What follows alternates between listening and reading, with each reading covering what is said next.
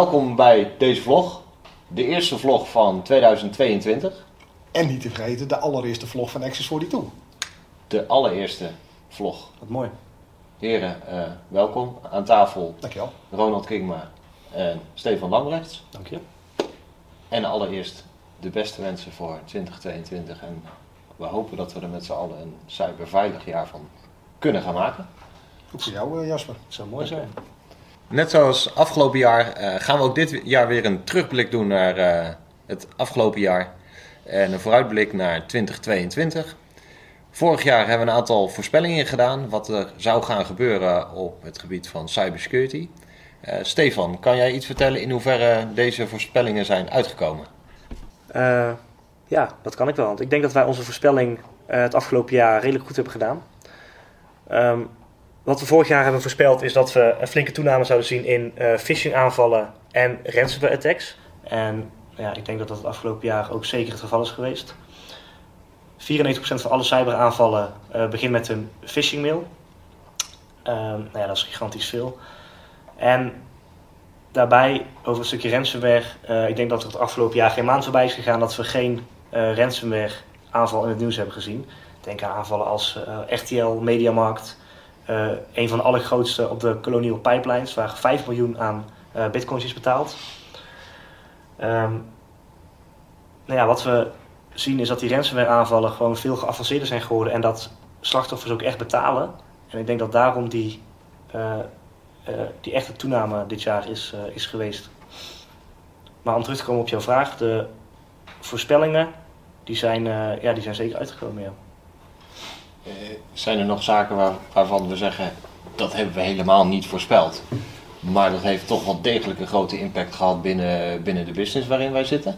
Of we alles hebben kunnen voorspellen. Dat Ja. is. ehm, ik denk niet helemaal. We hadden wel de supply chain voorspeld eh, voor, voor afgelopen jaar. Eh, als je kijkt naar eind 2021, hebben we natuurlijk groot in het nieuws heel veel bedrijven last van gehad. Uh, Log4j, eh, een open source component met ernstige kwetsbaarheden. Maar eigenlijk als je, als je kijkt, hadden we hem kunnen voorspellen? Ja. Eh Heartbleed, eh, een aantal jaren geleden, die maakte gebruik van OpenSSL. Een open source component. Heel veel eh, eh, producten, softwarecomponenten enzovoort maakten gebruik van, van die, van die open, of van die open eh, componenten.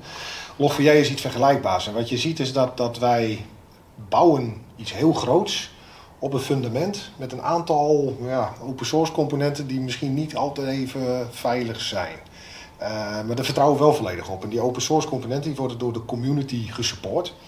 De community is dus ook verantwoordelijk om ze te, onderhouden, te updaten, de, de, als er iets mis is, eh nou, enzovoort. We hebben gezien, er zijn uiteindelijk updates gekomen. Maar er zijn een aantal updates gekomen, omdat ook in de nieuwe updates iedere keer weer een vervolgkwetsbaarheid zat of ontstond.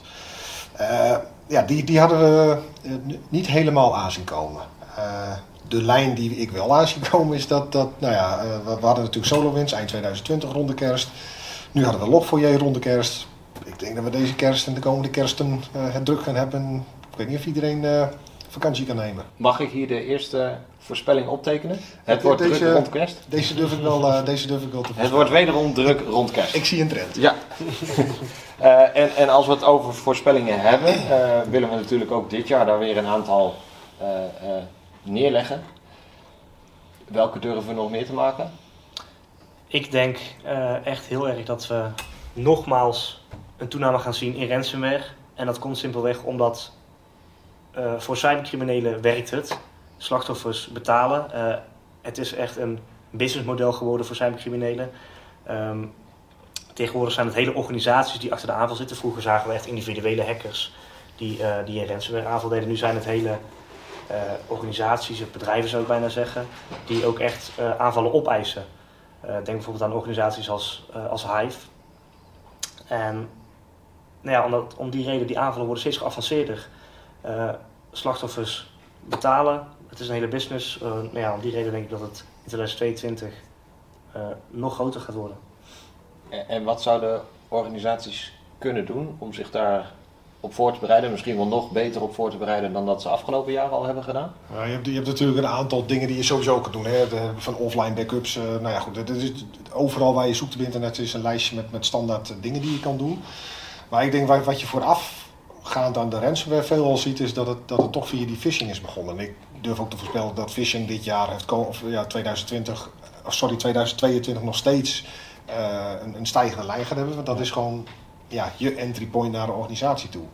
Uh, je weet de gebruiker te tricken om of een bijlaag te openen, op een linkje te klikken, uh, credentials achter te laten, noem maar op. Uiteindelijk heb je toegang tot dat interne systeem. En vanaf daar kun je, kun je het hele netwerk doorstruinen. Lateral movement, op zoek naar uh, bijvoorbeeld je Active Directory. Dat verwacht ik ook. Daar hebben we eind december vorig jaar, iedereen was druk bezig met Log4j. Active Directory had ook een groot kritisch lek. Heel veel organisaties zijn die vergeten. Als ze die nu nog niet gepest hebben, zou ik zeggen, doe dat vooral snel. Uh, als criminelen binnen zijn, ga eens op zoek in je netwerk. En vaak is je Active Directory daar je eerstvolgende doel. Dus zorg ervoor dat je die goed hebt gepatcht, geüpdate. Uh, en monitor daar ook alsjeblieft op. Weet wat er gebeurt. Uh, krijg een alarm als er in één keer een nieuw domeinadmin wordt aangemaakt. Of als, als er uh, iets met Kerberos aan de hand is. Dan noem alles maar op. Belangrijk.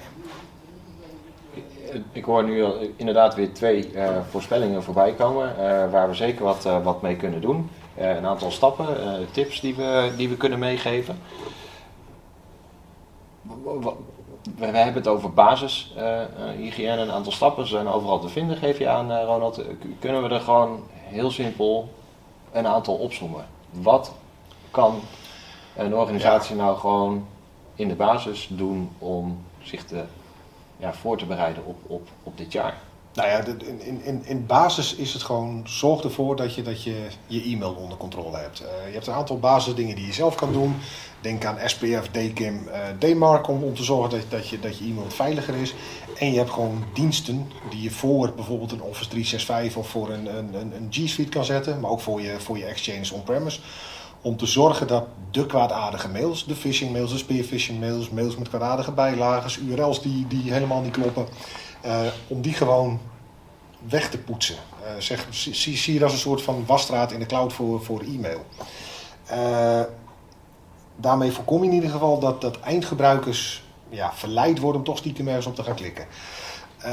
Dan is het heel belangrijk om inzicht te krijgen van wat hebben we allemaal, welke assets hebben we überhaupt. Dat kan zowel intern zijn in je, in je netwerk, maar ook extern. Denk, denk, aan, denk aan de cloud, uh, waar steeds meer mensen heen zijn gegaan ja, kijk naar intern scan, full vulnerability management uit. Weet welke assets je hebt, weet welke assets kritisch voor jou zijn als organisatie, weet welke, welke kwetsbaarheden daarop draaien en prioriteer die op basis van, van risico.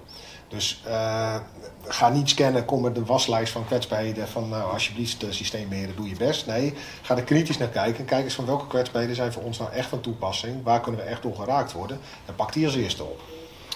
Dat is belangrijk. En als ik daar nog een aanvulling op mag geven, Ronald. Uh, want ik vind ook, je kan je e-mail security natuurlijk nog zo goed hebben, maar 100% veilig ben je nooit. Er kan altijd een uh, uh, enkele phishing mail doorglippen. Zorg er daarom voor dat je medewerkers bewust zijn van, uh, van phishing mails. Dat zij phishing mails kunnen herkennen. biedt ze daar enige vorm van awareness training in. Zodat zij in ieder geval niet zelf die fout zullen maken mocht er toch een, een phishing mailtje doorkomen. Daar heb je helemaal, helemaal gelijk in. Ja, en uh, ik, ik noemde al de cloud, zeg maar, om daar ook inzicht te krijgen van wat, wat heb je daar allemaal. Steeds meer organisaties, mogelijk mede ook met, door, door COVID gedreven, zeg maar, zijn toch meer richting de cloud gegaan. Uh, wij zien binnen de cloud heel veel misconfiguraties. Dus dat er per ongeluk iets open is gezet waardoor ja, mensen er alsnog bij kunnen komen, waardoor je data lekker gaat creëren. Zorg ervoor dat als je naar de cloud gaat, dat je je configuratie gewoon nog goed op orde hebt en, en, en ja, monitor dat. Er zijn tools beschikbaar om ook je cloud uh, in de gaten te houden. Welke API's heb ik? Zijn mijn API's uh, uh, veilig? hoe, hoe, hoe krijg ik toegang tot, tot een cloud? gebruik ik multifactor authenticatie? Al dat soort zaken. Zorg ervoor dat je grip en controle daar ook op hebt. Dank. Ik denk heldere ehm, ja, tips die men kan toepassen op de voorspellingen die gedaan zijn. Natuurlijk is er altijd nog veel meer uh, te vertellen. Maar ja, we willen ook naar die tweede vlog. Dus laten we niet gelijk alles vertellen. En mochten jullie meer willen weten, dan kan er natuurlijk altijd uh, contact opgenomen worden. En ja, uh, nu hebben jullie mij het een en ander verteld. Ik neem aan dat jullie dit ook graag aan klanten vertellen, aan potentiële klanten die hier eh, ja, toch wijzer in willen worden. Wij komen graag, graag bij, hopelijk binnenkort snel weer fysiek bij klanten over de vloer. eh, om om ja, van gedachten te wisselen over alles wat met cybersecurity te maken heeft. Eh, wat houdt de klant bezig? Waar kunnen wij eventueel wel of niet mee, eh, mee helpen, assisteren, ondersteunen, eh, noem het maar op. Eh, uiteindelijk is het doel gewoon om de wereld een klein beetje beter te maken. En ja, wij kunnen er een klein beetje aan helpen. Andere partijen helpen ermee. Eh, ik denk dat het een, eh, een mooi doel is om ook dit jaar weer naar te werken. Ja, mooi gezegd. Dank heren voor eh, deze toelichting. En tot de volgende. Tot de volgende. Tot de volgende.